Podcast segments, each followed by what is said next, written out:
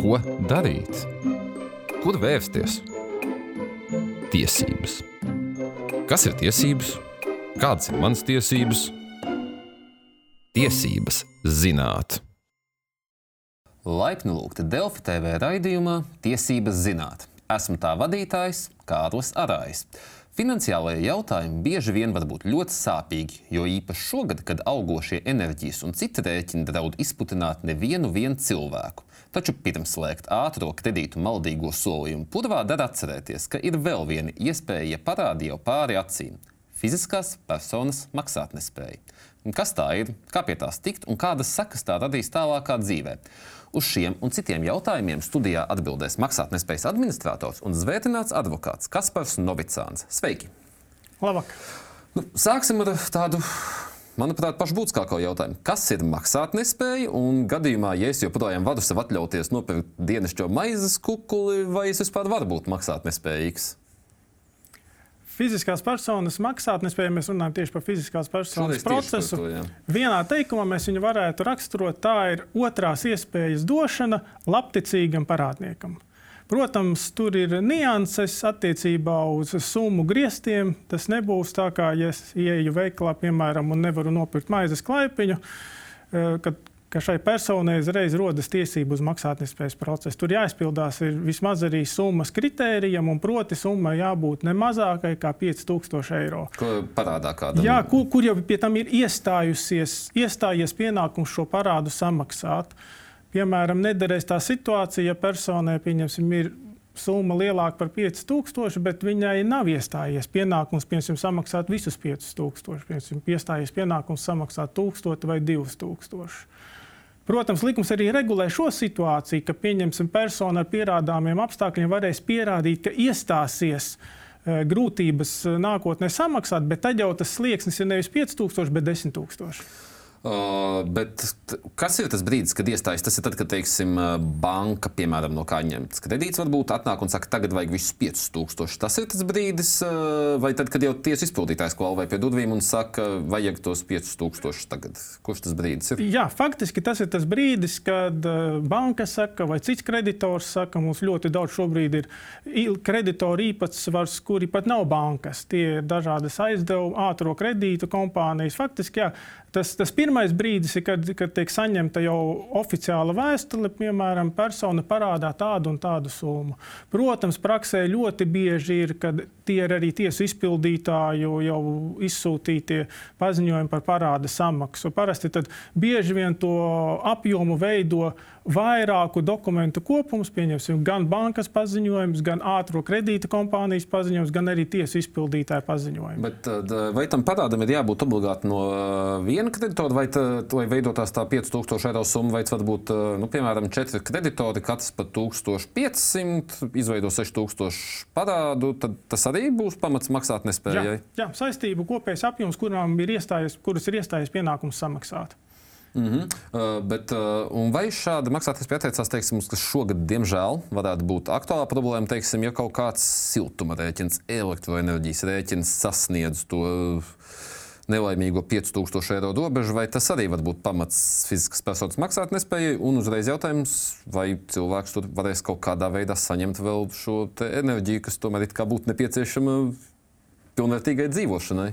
Jā, tā būs. Faktiski, ja šī summa jau būs vairāk kā 5000, tā jau būs patstāvīga pazīme, ka šī persona varēs sev piemēr, lūgt piemērot šo maksātnespējas procesu. Un ļoti loģisks nākamais jautājums ir, kā šai personai tālāk darīt, kā dzīvot. Jo iespējams, vai nu viņa piemēram, uz īres līguma pamata, vai piemēram, viņa pati ir īpašnieks šim īpašumam. Nu, tad jārēķinās ar to, ka šis dzīvoklis vai šī māja visticamākais, nevis visticamākais, bet viņa noteikti tiks pārdota uh, maksātnespējas procesa laikā. Jā, par to arī nākamais jautājums. Mēs sapratām, ka tā ir otrās iespējas došana. Mēs sapratām, no kādas summas ir un tagad, ko tas nozīmē man, kā šim nelaimīgajam parādniekam. Kas tas, tas manā dzīvē, kādas izmaiņas man tas viesīs? Tas viesīs, godīgi sakot, nepārāk daudz tādas izmaiņas, kā pieņemsim, sadzīviski. Iet uz darbu, ir jāiet pat uz darbu, tāpat kā ir gājis.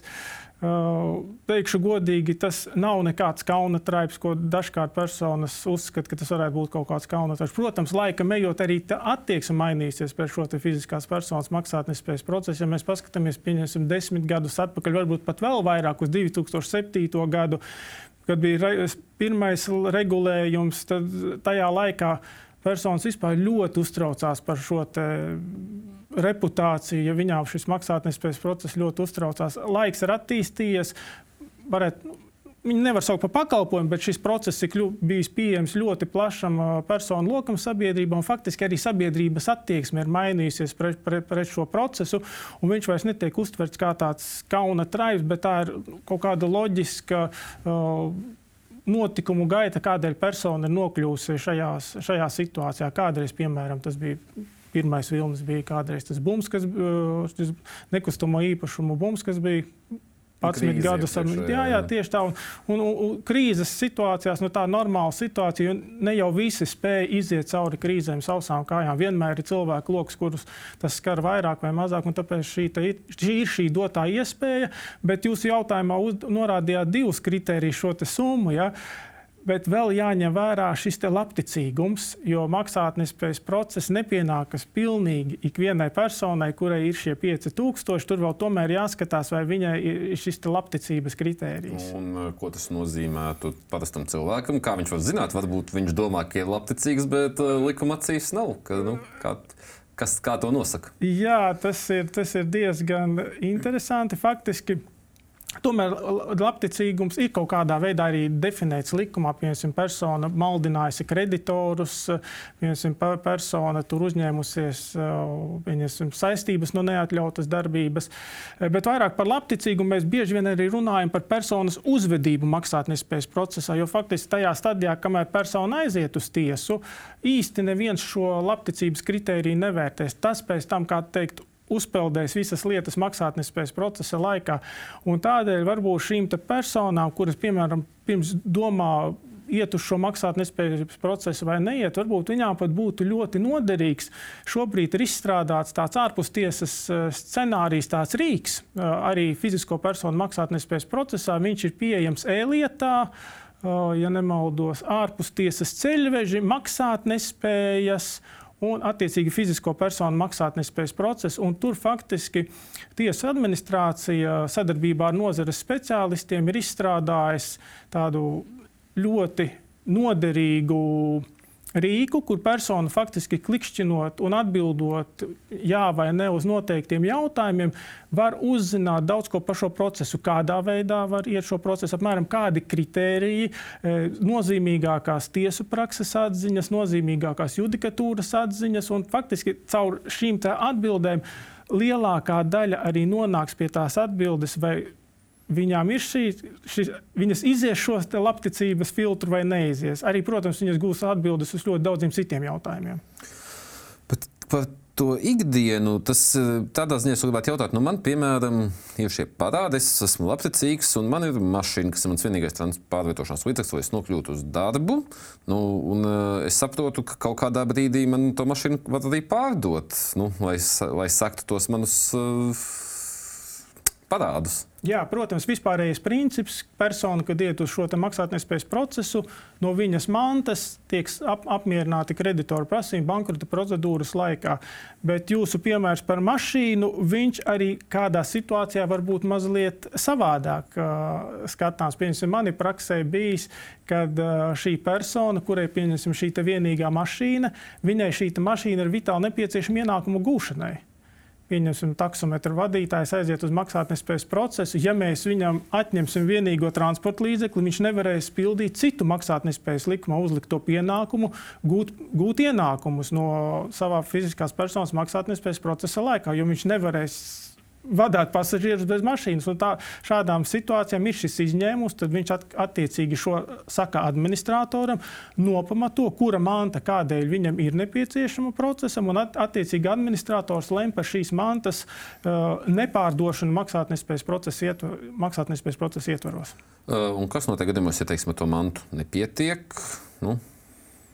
Parāds tāpat paliek pāri, tad, kad viss jau tā teikt izlikts ūtrupē, kas tad notiek? Tad notiek, tad ir šī maksātnespējas procesa otrā fāze. Pirmā fāze ir bankrota procedūra. Mm -hmm. Bankrota procedūras laikā tiek izpārdota visa manta. Bankrota procedūras laikā vairāk citu pienākumu, kā parādniekam maksāt kādam, nu, pieņemsim, no darba algas nav. Kādreiz viņa bija, bet nu, pirms vairākiem gadiem šo pienākumu atcēla. Līdz ar to bankrota procedūrā tikai tiek izpārdota manta, un cik nu kreditoriem samaksā, tik samaksā. Un attiecīgi atlikums, kas paliek kreditoru pāri, iet uz šo tā saucamo otro stadiju saistību dzēšanas procedūru. Un tādā attiecīgi izjūt no tā, cik liela tā Nasta ir, ir šis saistību dzēšanas procedūras termiņš. Jo lielāki parādi, jo garāks. Tas nozīmē saistību dzēšanas procedūra. Kas tas ir vispār? Saistību dzēšanas procedūra ir tas periods, kuru attiecīgi noteiks tiesa, balstoties uz maksātnespējas likumu, kurā parādniekam būs pienākums vienu trešo daļu no saviem ienākumiem bet ne mazāk kā trešdaļa no vienas minimālās mēneša algas novirzīt kreditoru prasījumu apmierināšanai. Arī tad, ja saņem minimālo, vai te ir tāpatās kā citos gadījumos, ka minimālais ir tas? Nu... Arī tad, ja saņem minimālo, un arī tad, ja saņem mazāk kā minimālo, nepietiks, ka samaksās vienu trešo daļu no tiem faktiskajiem, kas ir zem minimālās. Minimālais maksājums ir viena trešā daļa no minimālās algas. Tātad, ja būs mazāk par minimālo algu, šai personai būs nu, pienākums jebkurā gadījumā nomaksāt trešo daļu no minimālās algas. Nu, bet, ja cilvēks faktiski tādā brīdī paliek bez iztiks līdzekļiem, ko viņam tad ir kaut kāda risinājuma vērsties, tur kaut kā prasīt kaut ko aizkavēt, vai arī cilvēkam jāpaliek faktiski uz ielas gandrīz? Nu, jāteic tā, ka tā likuma uzbūve šobrīd ir tāda, ka faktiski personai ir jāspēj šī otrā iespēja tiek dota personām, kuras spēj sekt šīs maksātnespējas procesa izmaksas, kuras ir relatīvi nelielas izdevumus šo, šobrīd, un attiecīgi arī veikt šo pienākumu, maksāt vienu trešo daļu no ienākumiem, bet ne mazāk kā no minimālā. Ja kaut kas mainījies dzīvē, un nezinu, zaudēts darbs, kas bija pirms tam, un tagad ir tiešām tāds zem minimālās, tad ir jāmeklē draugi, tādi paziņas, faktiski, kas palīdzēs. Nu, tur arī jābūt ļoti uzmanīgiem, jo tiesu praksē ir gadījumi, ja pieņemsim saistību dzēšanas procedūrā maksājumus par personu ir veikušas uh, trešās personas, ja, arī faktiski. Tiesa prakse uzskata, ka persona nav izpildījusi visticamākais šo vienu no likuma uzliktajiem pienākumiem, gūt ienākumus atbilstoši savām spējām. Protams, es, arī tiesas ir saprotošas un administratori saprotoši. Protams, galavārdu tiesa saka, ja, ka var būt objektīva situācija, pieņemsim, invaliditāte. Noteikts vecums, vēl kaut kādi šie subjektīvie kriteriji, ka tiešām šai personai nav šo iespēju, tāpēc arī ir likumā ierakstīts atbilstoši savām spējām. Bet atvainojiet, ja tā būs persona, piemēram, ar labu izglītību, brašs puisis vai, vai, vai skaista dāma un spējīga strādāt, un pēkšņi viņa teiks, zinot, es te nevaru. Ja? Un, piemēram, paceļot norēķinu kontus, mēs redzēsim, ka pirms maksātnespējas procesa bija skaista alga un viss kārtībā, bet tieši maksātnespējas procesā nu, nu, kaut kā šis ne, ne, kā saka, nevedas ar ienākumu gūšanu, tad faktiski tiesu praksa iet uz to, ka persona nav rīkojusies labticīgi šajā procesā un visticamākais šādai personai viņa varētu netikt arī atbrīvota no, no, no saistībām, pat ir noslēdzoties šai saistību dzēšanas procedūrai. Vēl viens jautājums ir par bezdarbnieku pabalstu. Cilvēks nu, objektīvi apstākļu dēļ kļūst par bezdarbnieku un saņem pabalstu, arī no pabalsta arī tas pats ir jāmaksā. Jā, protams, tas jā. ir ienākums. No jebkāda veida ienākumiem, neatkarīgi no to gūšanas formas, es saprotu. Jā, jā. Mm -hmm. Protams, ir, ir, noteikta, atnājos, ir noteikta veida, piemēram, pabalsti, kuriem, uh, kuri neskaitās kā ienākums, pieņemsim, tur, tur, tur uzturēšanas bērniem Bērnu kaut kādiem. Pabalsti, jā, jā, tur noteikti ir. Uh, bet tur ir skaidrojums dots, ja nemaldos, maksātnespējas kontrolas dienas arī ir devis apmēram skaidrojumu, kuri ir šie, šie, šie konkrētie pabalsti, un tos arī attiecīgi konsultējoties ar juristu vai, vai, vai, vai šo ceļvedi palasot, domāju, arī persona gūs atbildes. Mēs jau pieskarāmies tādam vārdam izdevumi. Tad kādi ir izdevumi varbūt pašā sākotnējā procesā? Un, nu jā, sāksim ar to, kāda ir sākotnējie izdevumi. Ja cilvēks grib pasludināt to, un arī kur viņam iet. Viņam iet pie iegūlēt maksātnespējas kontrolas dienests un zvanīt uz kaut kādu numuru vai ko viņam darīt. Jā, nu tāda pir pirmais, kur iet, uh, zvanīt maksātnespējas kontroles dienestam īsti nebūs nozīmes, jo maksātnespējas kontroles dienas nesniedz šāda veida pakalpojumu. Tātad faktiski, ja persona nav spējīga pati sagatavot šo pieteikumu, tad nu, Faktiski viņa dodas, jā, viņa meklē advokāta palīdzību, jurista palīdzību. Bet, bet tas arī prasa naudu, ja cilvēks ir maksāt nespējīgs, tad, tad tas varētu būt tā bišķi tieši tādēļ tiesu administrācija, ko es iepriekš pieminēju, sadarbībā ar nozares speciālistiem ir izstrādājusi pietiekami kvalitatīvu instrumentu, šo ārpustiesas ceļvedi, kur faktiski persona izpildot visas šīs darbības, var, ja tā situācija nav ārkārtīgi komplicēta, ārkārtīgi komplicēta, faktiski pati var no A līdz Z sagatavoties, lai iesniegtu pieteikumu tiesā. Tur ir norādīts, viss tur norādīts valsts nodevas apmērs, tur, kur viņu maksāt, tur ir norādīts, kā izvēlēties tiesas piekritību, tur ir norādīts, kādas summas depozīts, kur maksājams un, un, un kā, kā, kādā apmērā viņš maksājams. Turpat ir tiesu adrese atrodama, kur, kur iesniegt personu pēc savas ielas, kurā viņa deklarējusies, var noklikšķināt, un viņa uzreiz parādīs, kuru tiesu. Faktiski izmantoja šādu instrumentu šodien personu, kuri tik tiešām maksāt nespējīgi un nevar pat šo juristu atļauties, viņa varētu šo pienākumu izpildīt. Labi, pat juristu nemaksājumu, cik maksājumu valsts nodevās un uh, cik tas cik izmaksās, lai es tai tiesā varētu to iesniegt? Valsts nodeva būs apmēram, 7, nevis apmēram, bet viņi ir 70 eiro. Uh, obligātais maksājums ir depozīts vienas minimālās mēneša algas apmērā. Valsts nodeva tiek maksāta valsts attiecīgi kasē šis depozīts maksātnespējas kontrolas dienesta norādītajā kontā. Mēs jau runājam par tādu mantu, bet, nu, piemēram, man vienīgā manta ir dzīvoklis. Nu, dzīvoklim teiksim, ir novērtējums 30,000 eiro. Piemēram, nu, parāds ir 7,000. Piemēram, nu, pārdos dzīvokli, nomaksās to parādu, paliek pār 23,000. Es viņus dabūšu atpakaļ, vai tie izčākstēs kaut kur? E, protams, jūs viņus dabūsiet atpakaļ, par to nav šaubu. Bet, ja ir šāda situācija, tad vispār personai bija jāapsver, e, kādēļ doties uz maksātnespējas procesu, jo viņa jau neatbilst šim kritērijam, ka viņa, ka viņa nespēja izpildīt šīs saistības. Jo acīm redzami, ja dzīvoklis ir vērtīgāks par kopīgo saistību apmēru, tad persona vienkārši pieņem lēmumu dzīvē, pārdot dzīvokli un vienkārši vienojas ar, ar kreditoriem, ja ir uzsāktas kaut kādas piedziņu lietas, lai ļautu brīvā tirgu pārdot. Vai to arī, ja ir lieta pie tiesu izpildītāja, nu to izdarīs tiesu izpildītājs. Ta, mhm. tas būtu tiešām tāds prātīgs solis. Arī varbūt juristam pajautāt pirms tam, vai advokātam, vai tiešām ir jāiet uz šo maksātnespēju. Bet šīs situācijas bieži vien izveidojas citu iemeslu dēļ.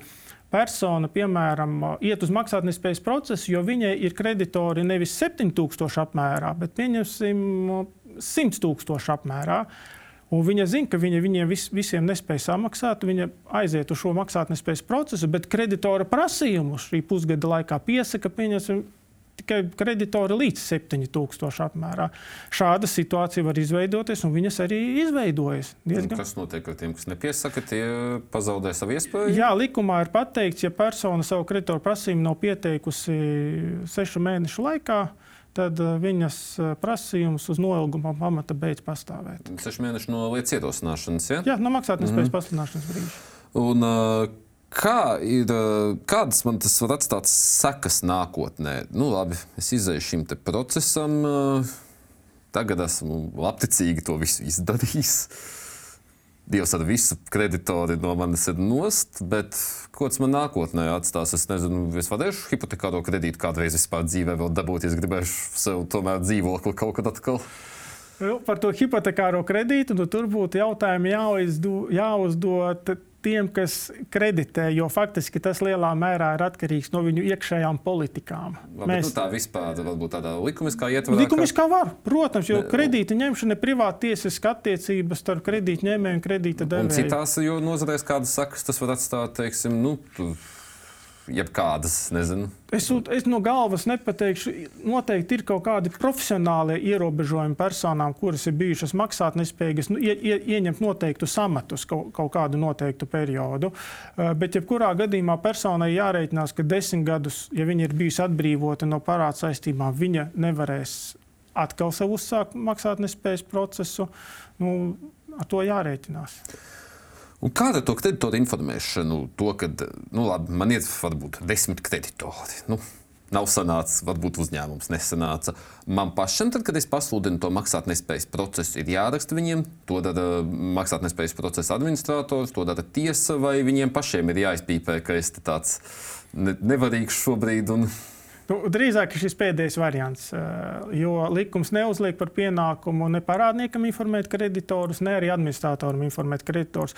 Protams, izņemot tās situācijas, ja parādniekam kreditors ir, ir, eh, ir ārvalstīs kaut kur. Tur mazliet ir cita kārtība, jo, jo mums faktiski ir tāds princips, ka uh, mums ir publiskais reģistrs, maksātnespējas reģistrs, kurā visi kreditori arī var pārliecināties par saviem uh, parādniekiem, vai viņiem ir ierosināts šis un uzsākts maksātnespējas process vai nav.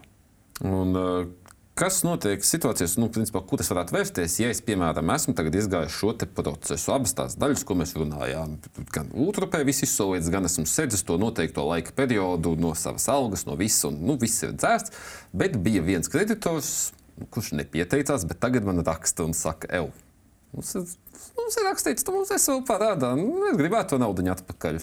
Ko tad man darīt? Jā, tad šim kreditoram ir jāatbild uz, uz to, ka iesniedzot kaut vai tiesas spriedumu par uh, maksātnespējas procesa noslēgšanu, faktiski no šī sprieduma jau būs redzams, kad bija uzsākts maksātnespējas process.